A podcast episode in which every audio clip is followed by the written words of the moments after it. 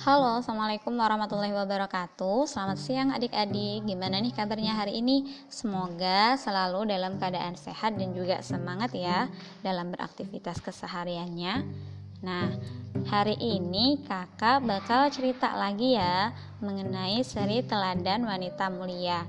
Nah, kali ini kakak bakal cerita mengenai seorang tokoh yang bernama Ummu Syuraik. Nah, kita kenalan dulu ya sama beliau. Nama beliau itu aslinya adalah Ghaziyah binti Jabir bin Hakim Ad-Dausiyah atau lebih dikenal dengan sebutan Ummu Syuraik. Beliau ini adalah seorang sahabat Nabi dari kalangan wanita. Ummu Syuraik adalah seorang wanita Quraisy yang berasal dari kabilah Gatafan yang sangat disegani. Ummu Syuraik sangat berjasa pada masa awal Islam. Dia mengajak teman-temannya untuk masuk Islam.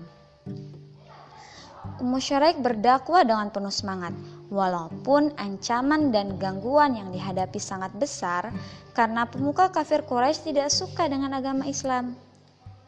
Maka orang kafir Quraisy pun menangkap Ummu Syuraik, kemudian membawanya.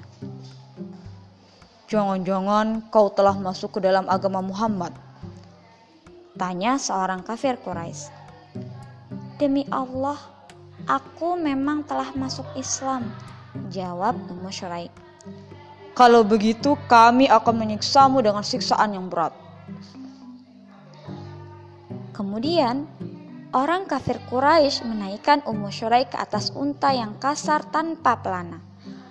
Mereka membawanya selama tiga hari, tiga malam tanpa diberi makan dan minum. Bahkan kaum kafir Quraisy mengikat Ummu Syuraik di bawah terik matahari. Pendengaran dan pandangannya menjadi tidak jelas. Tinggalkan agamamu yang baru ini. Marah dari salah seorang kafir Quraisy. Ummu Syuraik hanya memberi isyarat sebagai ungkapan tauhid. Tiba-tiba ada seember air muncul di hadapan Ummu Syuraik. Ummu Syuraik pun minum hingga kenyang dan mengguyurkan air ke kepalanya, wajah, serta bajunya. Ummu Syuraik sangat bahagia. Seorang kerabat bertanya, "Dari mana kamu mendapatkan air itu?" Apakah kau mencuri air kami? Demi Allah, tidak. Ini tiba-tiba muncul dari langit. Ummu Syuraik menjawab dengan lantang. Mereka tidak percaya dan pergi memeriksa ember-embernya. Ternyata ember tersebut masih tertutup rapat. Dari mana engkau mendapatkan air itu? Tanya salah seorang kafir Quraisy. Ini rezeki yang diberikan Allah kepadaku. Nah, dari peristiwa itu, orang-orang yang membawa Ummu Syuraik itu takjub dan menjadi beriman kepada Allah Subhanahu wa taala. Bahkan keluarga Abu Al-Qar Abu Al-Akar pun bersama-sama masuk Islam dan hijrah ke Madinah. Kisah Ummu Syuraik ini menjadi bukti bahwa Allah pasti akan menolong orang yang teguh imannya. Nah, begitulah adik-adik cerita mengenai Ummu Syuraik.